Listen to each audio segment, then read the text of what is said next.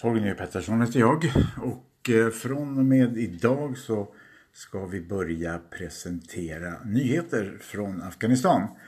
Och vi börjar med att Afghanistans oberoende valkommission nu meddelar att de preliminära valresultaten efter parlamentsvalet i oktober inte redovisas förrän den 23 november när det gäller provinserna och först den 1 december när det gäller Kabul.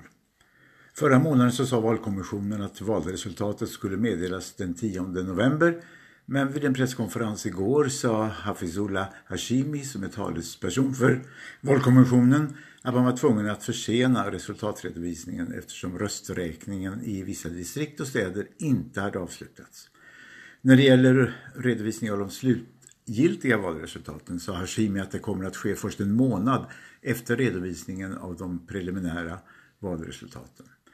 Och varför tar det så lång tid kan man fråga sig. Ja, det finns fler problem med rösträkningen. Förra veckan kraschade ju en helikopter i Farah-provinsen där 27 passagerare dog. Och i samma helikopter fanns sju lådor med valsedlar från provinsen och också biometrisk utrustning som förstördes.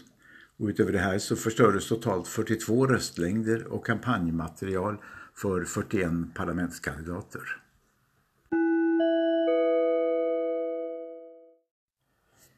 Mordet på general Razik i Kandahar-provinsen den 18 oktober fortsätter att förbrylla.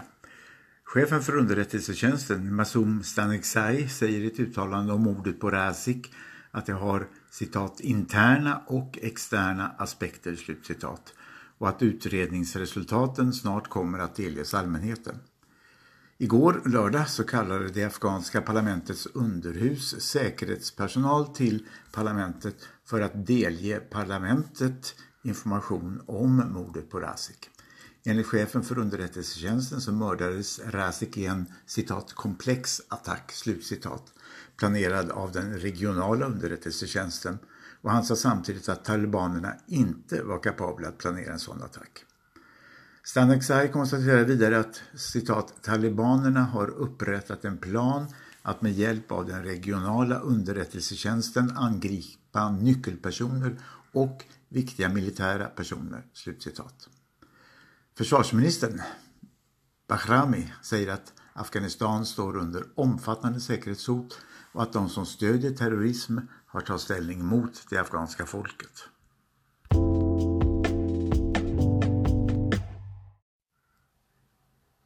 Till slut några nyheter i korthet. Lokala myndigheter meddelar idag att talibanterrorister intagit en polis- och militärbas i Terenkot som är huvudstad i Uruzgan-provinsen. Och vid ett möte i Paktia-provinsen igår så uppmanade Afghanistans president återigen talibanerna att delta i fredsdiskussioner. Och hittills som vi vet så har alla sådana försök varit resultatlösa och frågan är om det kommer att hända någonting den här gången. Mycket tveksamt. Våldet i Afghanistan dödade och skadade 2552 personer i oktober vilket innebär en 91% ökning av antalet attacker i jämförelse med antalet attacker i september. Enligt nyhetsbyrån Pajvok ägde 374 attacker rum i oktober och 1398 personer dödades och 1154 skadades i 31 av landets 34 provinser. Afghanistans före president Hamid Karzai och den tidigare guvernören i Balkprovinsen Atta Mohammad Noor har bjudits in till fredssamtal i Moskva. Om allt går enligt plan så ska samtalen ske kommande fredag. I ett uttalande igår så meddelade Rysslands utrikesdepartement att Afghanistans president har beslutat att skicka en delegation till mötet i Moskva och av samma uttalande framgår också att talibanerna skickar en grupp till mötet dit 12 nationer bjudits in.